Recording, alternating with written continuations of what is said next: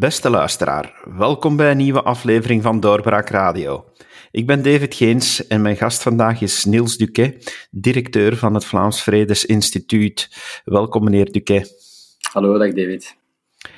Meneer het Vlaams Vredesinstituut zal voor sommigen uh, bekend zijn, maar ik denk dat uh, heel wat van onze luisteraars er enkel maar een voorstelling kunnen bij maken. Bij de naam Vredesinstituut zal uiteraard wel met vrede te maken hebben. Maar ik denk dat het een goede zaak zou zijn dat we even de geschiedenis van het instituut schetsen. Want het is allemaal, als ik het correct heb, 15 jaar geleden begonnen. Hè? Wel, het Vlaams Vredesinstituut is een onafhankelijke onderzoeksinstelling verbonden aan het Vlaams parlement. Dus wij zijn opgericht eh, in 2004 bij decreet door het Vlaams parlement om aan onderzoek te doen, om op basis van dat onderzoek ook adviezen te formuleren uh, rond allemaal allerhande thema's van, die te maken hebben met vrede en geweldpreventie. Nu, de directe aanleiding uh, voor de oprichting van ons instituut was de regionalisering van wapenexport België is ongeveer het enige land ter wereld waar het niet het nationale of het federale niveau is dat beslist over wapenexport, maar het de regio's zelf zijn uh, binnen het land. En die beslissing die kwam er in 2003 in, ja, in de nasleep van de hele Minimi-machinegeweren-affaire. Uh, de wapenexport van FN Herstal richting Nepal, uh, de prille democratie op dat moment, zoals dat genoemd werd. Um, maar de, ja, die geschiedenis gaat natuurlijk wel een stukje verder. Um, kijk, wapenhandel is een heikel politiek thema in ons land al, al decennia lang. En dat komt voor een groot deel natuurlijk omdat uh, ja, de belangrijkste bedrijven van oudsher vooral uh, ten zuiden van het land liggen. We denken vooral aan, aan bedrijven zoals FN Herstal, uh, maar ook heel veel andere bedrijven die in dat, in dat zog zijn meegegroeid. En die echt wel deel uitmaken van die traditionele defensieindustrie, de bommen en granaten, de vuurwapens. Um, en in het noorden van, van, van, het land, in Vlaanderen, is daar veel vaker en al veel vroeger een veel kritischer houding ten opzichte van geweest. En dat heeft uh, ja, doorheen de jaren steeds geleid tot spanningen. En een belangrijk moment was begin jaren 90 uh, al, toen uh, Moreau, de toenmalige socialistische kopman, de institutionele atoombom uh, wou gooien, als het ware. En die, die wapenexportbeslissingen, die op dat moment voor heel veel ja, politieke problemen zorgen op het federale niveau, hebben we die eigenlijk al opnieuw uh, regionaliseren. Uh, wat was toen de situatie? Je moet weten, de jaren 80 waren moeilijke jaren voor FN Herstal. We hadden heel veel concurrentie, dat het, echt wel, het bedrijf echt wel heel zwaar financieel in de put. En op dat moment zou dat bedrijf ook gewoon failliet kunnen gaan. En toen kwam er opeens vanuit het Midden-Oosten een aantal zeer lucratieve uh, vragen om vuurwapens te leveren aan landen zoals Saudi-Arabië. En binnen de federale regering was daar enorm veel ja, politieke discussie over. Tussen enerzijds ja, volksunie, uh, socialisten aan de ene kant, maar aan de andere kant ja, de, de hele Franstalige politieke uh, partijen. En op dat moment zijn we, maar kijk, we kunnen dit niet zo houden. En op dat moment zien we dat er eigenlijk voor de allereerste keer een soort van impliciete regionalisering is geweest. En toen heeft men afgesproken binnen de schoot van die regering, maar kijk, we gaan vanaf nu um, alle aanvragen die Nederlandstalig zijn laten behandelen door een Nederlandstalige minister van de federale regering en alle Franstalige aanvragen door een Franstalige minister. Wat op zich al een beetje een bijzondere constructie was. En dat heeft zo jarenlang geduurd, tot uh, eh, 2002. Op dat moment was het de paarsgroene federale regering. En dan ging het opeens over die wapen, uh, een wapencontract voor de strijdmacht in Nepal, waar opnieuw heel veel discussie over ontstond. En toen een jaar later uh, die verlenging van die wapenexportvergunning opnieuw op tafel lag. Hè, op dat moment heeft ook toenmalige groene vicepremier ontslag genomen omwille van die discussies. Uh, toen dat terug op, op de tafel lag, uh, heeft men gezegd van kijk, zo kan het niet verder, laten we het regionaliseren. En dat is dan gebeurd in 2003. En toen heeft het Vlaams parlement gezegd van oké, kijk, wij willen eigenlijk die, die, die, die vraag naar een vredesinstituut dat al veel langer leefde, van de jaren 70 waren daar al ont, ontwikkelingen rond, wij willen die nu wel opnemen met die nieuwe bevoegdheid die wij krijgen. Uh, en toen heeft het Vlaams parlement verschillende opties overwogen, uh, waaronder bijvoorbeeld ons oprichten om ons effectief een stem te geven in die vergunningsdossiers, waarbij wij mee die situatie in die landen, die bestemmingslanden, moesten analyseren. Daar is men van afgestapt en heeft men echt wel gekozen voor dat uh, onafhankelijk onderzoeksinstelling, voor een veel breder thema dan enkel wapens. Maar natuurlijk, aangezien wij zijn opgericht ja, in, in direct verband met die, met die beslissing tot regionalisering, de eerste paar jaren, werkten wij vooral rond wapenhandel. En hebben wij meegekeken naar ja, hoe ziet dat juridisch kader er precies uit? Hoe ziet die Vlaamse defensieindustrie er dan precies uit? wat zijn de ontwikkelingen in Europa, internationaal, waar we rekening mee moeten gaan houden.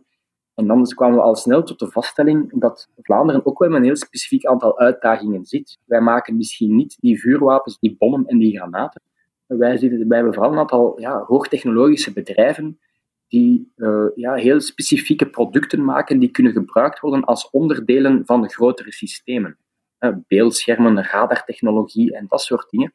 Um, wat heel interessant is natuurlijk, omdat dat, dat was natuurlijk in een situatie, jaren 90, 2000, uh, zien we dat de oorlogsvoering ook een stuk elektronischer en high-tech meer is geworden. Um, en die Vlaamse bedrijven zaten op dat moment eigenlijk mee in een stroom waar er veel meer vraag was naar hun product. En dat zorgt natuurlijk wel voor een aantal andere uitdagingen. Als je een bedrijf bent als FN Herstal en je wilt leveren aan een regime ergens in de wereld, dan is de belangrijkste vraag, ja, wat gaan die mensen die onze wapens krijgen daar precies mee gaan doen? Waarvoor hebben ze die wapens nodig? Wat zijn de risico's op mensenrechten schendingen? Het feit dat bepaalde conflicten kunnen verergeren.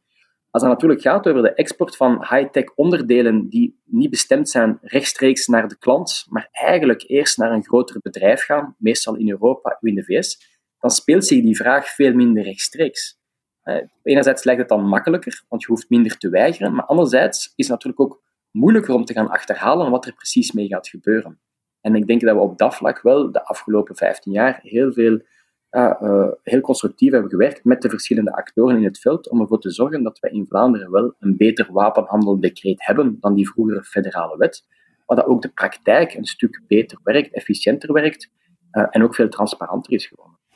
Is het dan voor, voor een stuk jullie taak om de internationale wapenhandel in kaart te brengen en uit te zoeken wat er allemaal kan gebeuren en uh, naar welke landen het toe gaat om, om toe te zien, oké, is het een legitiem gebruik van, van de wapens of worden ze eerder uh, in foute omstandigheden gebruikt? Is, is dat allemaal wat jullie mee in kaart moeten brengen? Nee, dat is een, die, die inschatting van de bestemmingslanden en de risico's die in die verschillende bestemmingslanden uh, zitten, dat is iets wat de overheid zelf doet. Uh, daar hebben ze een dienstcontrole strategische goederen voor die daar echt effectief mee bezig is. Wat wij vooral proberen te doen, is kijken waar eventueel nog gaten zitten in de wapenwetgeving, hoe bepaalde procedures kunnen beter worden. Maar tegelijkertijd ook wel vanuit onze raad van bestuur aandringen dat uh, elementen zoals conflictpreventie veel meer nog meegenomen worden in die discussie. En dat het niet louter een een discussie is die gaat over enerzijds veiligheid en economische belangen, maar dat daar ook nog wel wat elementen rond conflictpreventie voldoende in benadrukt worden. En dat is natuurlijk ja, een, moeilijke, een moeilijke discussie die er steeds is. Tot, tot op welke hoogte ga je bepaalde producten nog meenemen in je controleketen? Uh, uiteraard, als het gaat over loutere vijzen, dan is dat vrij simpel. Een vijs kan alles, alles kan gebruikt worden.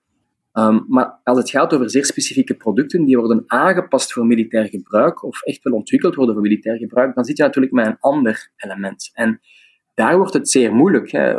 Hoe, hoe ga je ervoor zorgen dat die producten die vandaag gemaakt worden, maar misschien over tien jaar um, effectief misbruikt kunnen worden, hoe ga je daar proberen controles in op te bouwen? En dat is hetgeen wat wij proberen te doen, is te kijken van wat zijn daar die mogelijkheden, wat gebeurt er internationaal, wat zijn onze buurlanden aan het doen en hoe kunnen we daar lessen uit um, het is een heel moeilijke uh, discussie. Kijk, um, wapens en wapensystemen, dat zijn geen uh, producten die onmiddellijk geconsumeerd worden, om het zo te zeggen. Dat zijn duurzame producten.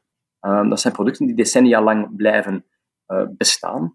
de onderdelen die wij al jaren leveren aan de A400NM, die onder andere verkocht werd aan Turkije, een NAVO-partner, worden, dat, dat vliegtuig wordt nu door Turkije gebruikt voor zaken dat we tien jaar geleden moeilijk konden inschatten. Maar dat is natuurlijk wel die, die moeilijkheid, hè, van hoe ga je dat lange termijn denken daar ook in eh, opnemen. En dat zijn die oefeningen die wij proberen te doen. En wij proberen dat dan ook mee te delen aan de verschillende parlementsleden, aan de verschillende actoren in het veld, zodat die controle uh, zo goed mogelijk wordt uitgevoerd. Maar brengen jullie dan wapenhandel aan zich ook in kaart wereldwijd? Hebben jullie daar een heel goed zicht op? Wel, wij hebben daar een zicht op, maar dat zijn de grotere organisaties, onze zusterorganisatie CIPRI bijvoorbeeld, het Stockholm International Peace Research Institute, die maakt elk jaar zeer grondige analyses. Wij focussen ons vooral op dat Vlaamse luik uh, en dat Belgische luik. Dus wij proberen wel elk jaar in kaart te brengen waar die Vlaamse producten precies terechtkomen. En dat kan zuiver kwantitatief. Gaan kijken wat er in de verslagen staat. En de verslagen van de Vlaamse regering zijn zeer transparant vergeleken met andere Europese landen of andere landen in de wereld zelfs. Ehm, maar dat is natuurlijk niet altijd de, de, moeilijkheid. De moeilijkheid is vooral om te weten waar die producten uiteindelijk terechtkomen. Um, en daar proberen wij wel, uh, dat proberen we wel in kaart te brengen, maar dat is een zeer, zeer moeilijke, dat is een zeer tijdsrovende activiteit. Um, maar wat we wel gezien hebben, is de oefening die we een aantal jaren geleden gemaakt hebben, nog steeds zeer relevant is. En wat wij vooral op focussen is, wat zijn nu precies die moeilijkheden om te weten te komen waar die wapens terechtkomen? Uh, zowel voor de overheid als voor de betrokken bedrijven. En hoe kunnen we ervoor zorgen dat daar meer zicht op is? En vandaag de dag in het Vlaams wapenhandeldecreet staat er bijvoorbeeld dat als bedrijven weten wie de eindgebruiker zal zijn, de uiteindelijke eindgebruiker zal zijn, dat men dat steeds moet melden. Dat was iets wat er vroeger niet in stond in, in de Belgische wetgeving. Dat is wel een belangrijk element, want op die manier kan je die controle wel gaan versterken, zonder dat je noodzakelijk die vergunning hoeft te weigeren. Het Vredesinstituut kijkt natuurlijk ook wel breder dan enkel wapenhandel. Vrede is een zeer brede vlag. Wat, wat valt daar voor jullie nog onder in jullie opdracht om, om mee bezig te zijn? Wel, wij, ja, zoals ik al zei, we hebben in, ja, in, bij het begin van, ons, uh, van het ontstaan van ons instituut was het vooral wapens, wapenhandel. Dat is ook wel verbreed. Uh, niet alleen gaan we gaan kijken naar de, naar de wapenexport, maar we zijn ook gaan kijken naar wapenwetgeving in ons eigen land. Wie mag er wapens bezitten? Wat zijn daar mogelijke risico's? Hoe kunnen we daar uh, proberen die controle te versterken? illegale wapenhandel, wapengeweld. hoe kunnen we proberen die strijd tegen illegale wapenhandel ook te versterken? Want die twee hangen natuurlijk samen. Eh, als je een goed legaal kader hebt, dan kan je al de strijd tegen illegale wapenhandel voor een stuk met een beter instrumentarium te lijf gaan. Maar je moet ook meer doen. Je moet ook gaan praten met politiediensten en allerhande actoren die daarmee bezig zijn. Dus wapens blijft belangrijk. Ook uh, de hele problematiek van, van massavernietigingswapens uh, hebben wij oog voor. En dual-use producten. Dat zijn producten die gebruikt kunnen worden om massavernietigingswapens en andere wapensystemen te gaan maken, maar eigenlijk civiele producten zijn. Uh, denk maar aan bepaalde producten die in make-up zitten en dat soort zaken die kunnen gebruikt worden voor chemische wapens. Dus die controle uh, versterken, dat is ook een van onze doelstellingen. Maar we hebben ook een heel onderzoeksdomein uitgebouwd rond omgaan met conflicten in eigen samenleving. Um, ja, hoe ga je precies om met, met bijvoorbeeld polarisering in de samenleving? Hoe ga je om met het herdenken van een oorlogsverleden? hoe kan je daar lessen uittrekken? Um, hoe kunnen we ervoor zorgen dat um, conflicten die normaal zijn. Elke samenleving heeft conflicten. In elke samenleving zijn er mensen met andere ideeën, met andere belangen, met andere perspectieven. Hoe kunnen we ervoor zorgen dat zo'n uh, conflicten niet gewelddadig worden? Hoe kunnen we ervoor zorgen dat die conflicten getransformeerd worden naar een vredevolle dialoog? En dat is natuurlijk een, een hele belangrijke uitdaging, hè? Uh, ook vandaag de dag, denk ik. zien we voorbeelden bij ons in Europa, we zien dat in de VS waar het politieke debat soms zo hevig gevoerd wordt dat het zeer moeilijk wordt om nog zo die, die common ground, die gedeelde grond te vinden. En wat wij proberen te doen, is met onze analyses te kijken van hoe kunnen wij ervoor zorgen dat die conflicttransformatie, uh, ja, dat, dat dat geweldloos gebeurt. En zo weinig mogelijk kan aanleiding geven tot echt fysiek geweld. En daar zijn verschillende lijnen waar we naar kijken. We hebben bijvoorbeeld uh, op vraag van het Vlaams parlement en op vraag van het Agentschap Binnenlands Bestuur een evaluatie gemaakt van het, uh, van het Vlaams actieplan tegen gewelddadige radicalisering en polarisering. Je moet weten dat actieplan dat is uh, ontwikkeld in 2015, bijgestuurd in 2017. En dat was echt wel ontwikkeld in die context van die, terroristische aanslagen die we op dat moment bij ons, maar ook in onze buurlanden zagen. En heel hard gericht op dat jihadistisch probleem. Uh, de vertrekkers, de mensen die naar Syrië gingen en die mogelijk gingen terugkomen. Wel, vandaag de dag heeft dat actieplan natuurlijk een update nodig. We zien geen vertrekkers meer naar Syrië. De aanslagen zijn ook een beetje van aard veranderd de laatste tijd. Uh, en we zijn vooral geconfronteerd met een problematiek van mensen die zijn teruggekomen of in de gevangenissen zitten en die weer gaan vrijkomen. Hoe ga je nu vandaag de dag om met, met die problematiek? Je ziet ook met uh, tendensen die ook andere vormen van, van radicalisering en polarisering, niet enkele jihadisme, die ook aan het opkomen zijn hoe ga je om met die veel ja, diffusere dreiging die er vandaag de dag is? En wat kan je eigenlijk doen met de lessen uh, uit dat eerste actieplan? Nu, dat actieplan heeft ervoor gezorgd dat er op heel veel, in heel veel domeinen heel veel specifieke acties genomen zijn. Op vlak van onderwijs, jeugdwerk, lokale besturen hebben allemaal expertise opgebouwd om om te gaan met dat heel complex fenomeen. Ik denk dat de belangrijkste uitdaging vandaag de dag is van hoe kan je dat gaan verduurzamen? Hoe kan je ervoor zorgen dat die kennis en expertise opbouw niet verloren gaat, ook kan toegepast worden op andere fenomenen. En daar hebben wij in onze analyse voor het parlement uh, en voor Agentschap Inlands Bestuur uh, verschillende elementen aangereikt waar zij mee aan de slag kunnen, nu bij de opmaak van dat nieuw actieplan. En ik denk dat dat hetgene is wat wij als parlement, uh, wat wij als Vlaams Vredeswet steeds proberen te doen. Wij proberen ten, ten dienste te staan van het Vlaams parlement, met echt wel gedegen analyses van problematieken die te maken hebben met die vrede- en geweldpreventie. En uiteindelijk zijn het natuurlijk wel de parlementsleden en die andere actoren, die beleidsactoren, die praktijkmensen die ermee aan de slag moeten gaan. En wij proberen hen gewoon voldoende munitie te geven, om het zo te zeggen, dat zij daarmee uh, hun ding kunnen gaan doen. Polarisering is, is enorm actueel, uiteraard. Hebben jullie een analyse kunnen maken waarom dat, dat de laatste tijd zoveel meer speelt? Waarom dat we meer gepolariseerde actoren zien in onze samenleving? Wat, wat vinden jullie daar als, als oorzaken of wat duiden jullie als oorzaken aan?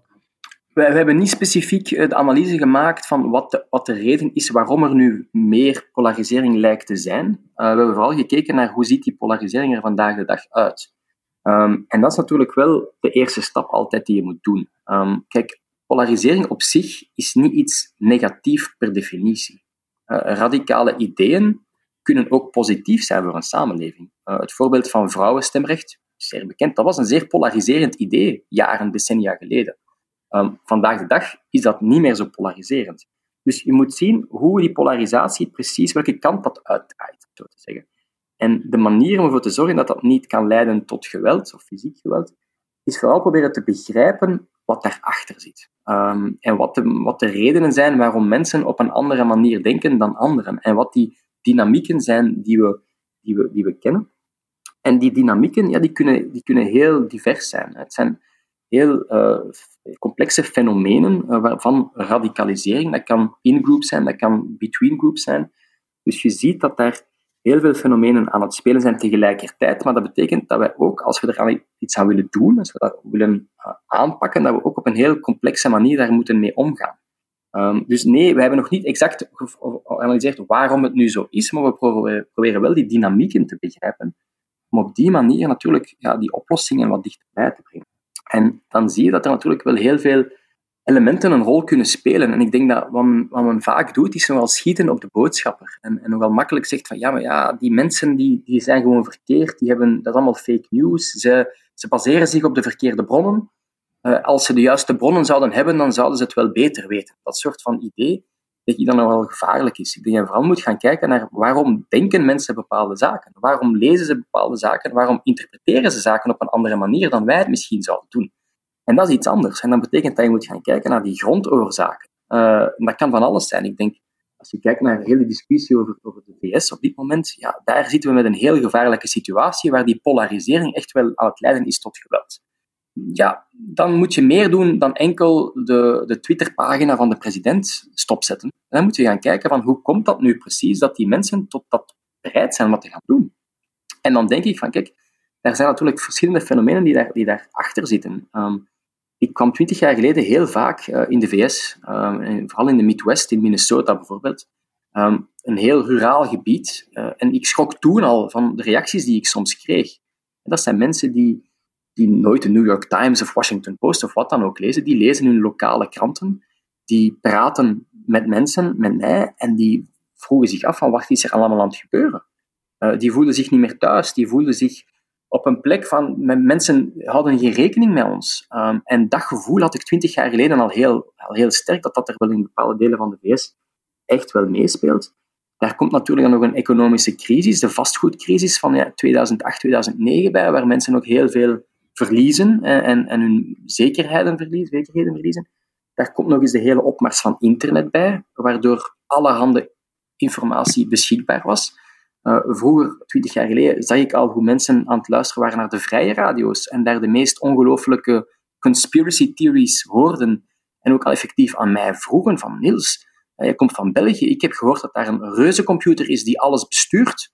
Dat zijn zaken waar je denkt van, hoe kan dat? Maar je moet dat begrijpen in die context waarin dat gebeurt. En dan denk je van, oké, dat zijn diezelfde mensen die nu helemaal mee zijn en helemaal gepolariseerd zijn en helemaal in één bepaalde visie zitten. Ga je dat op 1, 2, 3 oplossen? Nee, natuurlijk. Het is een proces van jaren, decennia. En ik vrees dat dat ook de moeilijke les is die wij moeten leren, is om dat aan te pakken, die grondoorzaken aan te pakken, moeten we vandaag beginnen, maar we gaan morgen het antwoord niet krijgen. Het zal lang duren uh, om daar rekening mee te gaan houden. Um, en dat kan je enkel doen door effectief te gaan luisteren naar die bezorgdheden, naar hetgene wat daarachter zit. Uh, daarvoor hoef je dan niet allemaal goed te praten, maar je moet elkaar wel begrijpen. Ik denk dat dat de kern is van, wat we proberen te doen. Um, niet alleen voor conflicten vandaag de dag, maar ook conflicten die gebaseerd kunnen zijn op zaken van heel, heel lang geleden. Uh, ons koloniaal verleden bijvoorbeeld is ook zo'n thema dat nog steeds heel hard leeft in onze eigen samenleving. Wat gaan we doen met die standbeelden van Leopold II? Ja, je moet daarmee omgaan. Je mag die niet doodzwijgen, dat is een deel van onze geschiedenis. Maar je moet op een of andere manier wel begrijpen waarom die standbeelden daar ooit gezet zijn, wat die betekenen voor mensen vandaag de dag, zowel de voor- als de tegenstanders. En via die dialoog proberen te gaan kijken, dat meerstemmig karakter van onze geschiedenis te gaan benadrukken, om dan te gaan zoeken naar handvaten, hoe kunnen we nu toch tot die dialoog, tot iets, tot iets positiefs komen, iets constructief komen. En dat is hetgene wat wij als missie hebben in, in het Vredesinstituut, om dat soort zaken, dat soort, uh, ja, die zienswijzen zoveel mogelijk te gaan uitdragen uh, en die, die fenomenen zoveel mogelijk te gaan analyseren. Is dat voor een stuk een koerswijziging van, van het klassieke opdracht wapenhandel naar nu ook meer die radicalisering en die polarisering te onderzoeken en adviezen te geven aan, aan de beleidsmakers? Dat is inderdaad een koerswijziging uh, die niet van, van, van vandaag op gisteren genomen is, um, maar waar we wel een tijdje mee bezig zijn. Uh, en dat zit eigenlijk in het DNA van het Vredesinstituut, om steeds op zoek te gaan naar um, die verschillende visies en dat meerstemmige karakter. Wij, wij werken als onafhankelijke onderzoeksinstelling binnen de context van het Vlaams parlement. In het Vlaams parlement, uiteraard, zoals elk parlement, zijn zeer veel verschillende zienswijzes. Dat is ook logisch, zo werkt een democratie nu eenmaal. Uh, daarvan is de ene niet noodzakelijk beter dan de andere, maar je moet proberen tot een, tot een oplossing te komen. Je moet proberen te komen tot een vorm van eensgezindheid voor bepaalde thema's. Dus dat is hetgene hoe wij ons onderzoek altijd hebben aangepakt. Niet door enkel met één bril te kijken naar een fenomeen, maar door steeds al die verschillende brillen van al die verschillende actoren mee te nemen. Dus op zich is dat niet zo nieuw voor ons om op die manier te werken. Het is wel nieuw in de zin van dat we daar meer aandacht voor gaan geven aan die fenomenen in onze samenleving zelf ook. Dus niet enkel onze, onze werkwijze, maar ook onze, onze aandachtspunten en onze, onze focus van ons onderzoek zal een meer verschuiven. We zijn er al een aantal jaren mee bezig, maar we gaan dat de komende jaren nog meer gaan doen, nog veel meer gaan op inzetten. Omdat, zoals je zelf al zei, het is een zeer actueel thema. Het is hetgene wat leeft, het is hetgene wat ons samenleven kan bedreigen uh, ons vreedzaam samenleven kan bedreigen. En dan zien we dan natuurlijk ook onze rol als Vredesinstituut in om daar iets aan te gaan. Sorry dat ik het zeg, meneer Duquet, maar het Vlaams Vredesinstituut, dat is iets waar je, waar je niet zo heel vaak mee in aanraking komt. Is het dan niet ja, voor een stuk ook de bedoeling, of zou het niet beter zijn dat jullie iets dichter bij het maatschappelijk debat staan, dat nu veel levendiger is, zeker omtrent die radicalisering en die polarisering, en, en dat jullie ja, daar, daar jullie expertise ook veel meer rechtstreeks aan de burgers gaan aanbieden en die er gaan bij betrekken? Dat is absoluut de bedoeling. Uh, kijk, wij, wij bestaan nu ongeveer 15 jaar dat we operationeel zijn. Wij hebben in die 15 jaar ons zeer sterk gefocust op die beleidsmakers, uh, zeker in het Vlaams parlement en daarbuiten in dit complexe land der Belgen, uh, waarbij alle bevoegdheden wel op een of andere manier met elkaar in verband staan. Um, nu, dat is wel een duidelijke koerswijziging ook, dat wij gaan proberen die geïnteresseerde burger nog veel meer te bereiken met onze analyses. Um, en dat is geen simpele taak natuurlijk, want zo, zo goed als alles heeft te maken met vrede- en geweldpreventie. We gaan daar wel duidelijke keuzes in moeten maken hoe we dat precies gaan doen. Maar daar is wel veel meer potentieel toe. En wat wij bijvoorbeeld willen doen, is eigenlijk onze platformfunctie die we nu al hebben, waarbij we mensen uit het beleid, uh, de praktijk en het middenveld samenbrengen rond bepaalde thema's, dat willen we nog veel meer gaan uitbouwen, die platformfunctie, en veel meer die geïnteresseerde burger te gaan bereiken. Door allerhande uh, evenementen te organiseren waar over onderzoek gepraat kan worden, over actuele problemen uh, in eigen samenleving, maar ook daarbuiten. En op die manier proberen ook veel meer te gaan wegen op dat maatschappelijk debat. En dat gaan we dus doen door zo fysieke evenementen nog meer te organiseren, maar anderzijds ook uh, online veel meer dingen aan te bieden. Uh, bijvoorbeeld onderzoek dat gedaan is rond de situatie in bepaalde conflictgebieden, die gewoon toegankelijk maken via onze website, zodat mensen weten van kijk, als ik iets meer wil weten over bepaalde conflicten in de wereld, via onze website kan je direct onmiddellijk een pakket vinden van zeer interessante, degelijke literatuur waarbij we dan natuurlijk ook ervoor kunnen zorgen dat die mensen daar veel beter zicht op krijgen wat de problemen zijn. Dus het is sowieso onze, onze doelstelling om meer op dat maatschappelijk debat te gaan wegen, vooral door te gaan informeren over wat er allemaal al van onderzoek rond die thema's gedaan is. En de belangrijkste manier om dat te doen is vooral te gaan samenwerken. Wij zijn natuurlijk een kleine organisatie. We hebben uh, zeven vaste mensen in dienst, vier onderzoekers. Wij kunnen natuurlijk niet alles zelf gaan onderzoeken met zo'n beperkte kring van mensen. Uh, maar wij hebben natuurlijk wel een netwerk van andere vredesinstituten en andere organisaties dat soort, die dat soort van onderzoek ook doen. En dat, uh, die samenwerking willen we nog veel meer gaan optimaliseren de komende jaren, om echt wel uit te groeien tot een nog belangrijkere stem in dat debat. Nu, de afgelopen jaren hebben we dat al kunnen doen, vooral op vlak van wapens, denk ik, uh, zijn wij een zeer vaak gehoorde stem, niet alleen in Vlaanderen, maar ook daarbuiten. De komende jaren willen we dat ook rond polarisering en radicalisering nog meer gaan doen maar ook nog echt effectief uh, analyses over allerhande conflicten en allerhande problemen met, rond geweldpreventie willen wij nog veel meer onder die aandacht brengen. En dat kan, uh, maar dat zal niet simpel zijn. Maar dat is natuurlijk de uitdaging dat waar wij nu voor staan de komende jaren. En ik kijk daar vol, uh, vol hoop naar tegemoet. ik zie het helemaal zitten als, als nieuwe directeur sinds een week om daar mij vol op mijn schouders onder te smijten. Um, ik heb 15 jaar onderzoek gedaan bij het Vredesinstituut, voornamelijk rond wapens. Vandaag zit ik een beetje in een andere positie, eh, eh, maar, maar de doelstelling is hetzelfde. Uh, is zoveel mogelijk ervoor zorgen dat we via onderzoek en gerichte adviezen kunnen gaan wegen op dat debat, op die beleidsvorming, op die praktijk, om zo niet alleen Vlaanderen, maar ook de wereld daarbuiten veel vredevoller te maken. Meneer Duque, ik denk eh, dat het inderdaad een interessante uitdaging is die u daar formuleert en dat wij vanuit onze podcast in de toekomst elkaar nog wel zullen horen om eh, over zeer specifieke zaken te praten wanneer het Vredesinstituut eh, interessante dingen heeft onderzocht en te melden heeft. Dank u wel dat u tijd hebt vrijgemaakt voor doorbraak om dit allemaal even toe te lichten. Met veel plezier. En uh, neem gerust contact op voor meer informatie over de zaken die wij doen. En ook naar de luisteraars. Onze website bevat allerhande, webs uh, allerhande informatie, rapporten, analyses. Die zijn allemaal beschikbaar voor het publiek. Dus uh, ik ben blij om hier vandaag te gast te mogen zijn. Voilà, beste luisteraar, u hoort het. Veel informatie die u nog kan doornemen. We zetten uiteraard de link bij het artikel bij deze podcast, zodat u de website meteen kan terugvinden. Dank u wel dat u geluisterd hebt en graag tot de volgende keer. Dag. Dit was een episode van Doorbraak Radio, de podcast van doorbraak.be. Volg onze podcast op doorbraak.be/slash radio of via Apple Podcasts, Overcast of Spotify. Bezoek ook onze website op doorbraak.be en steun ons door een vriend te worden van Doorbraak.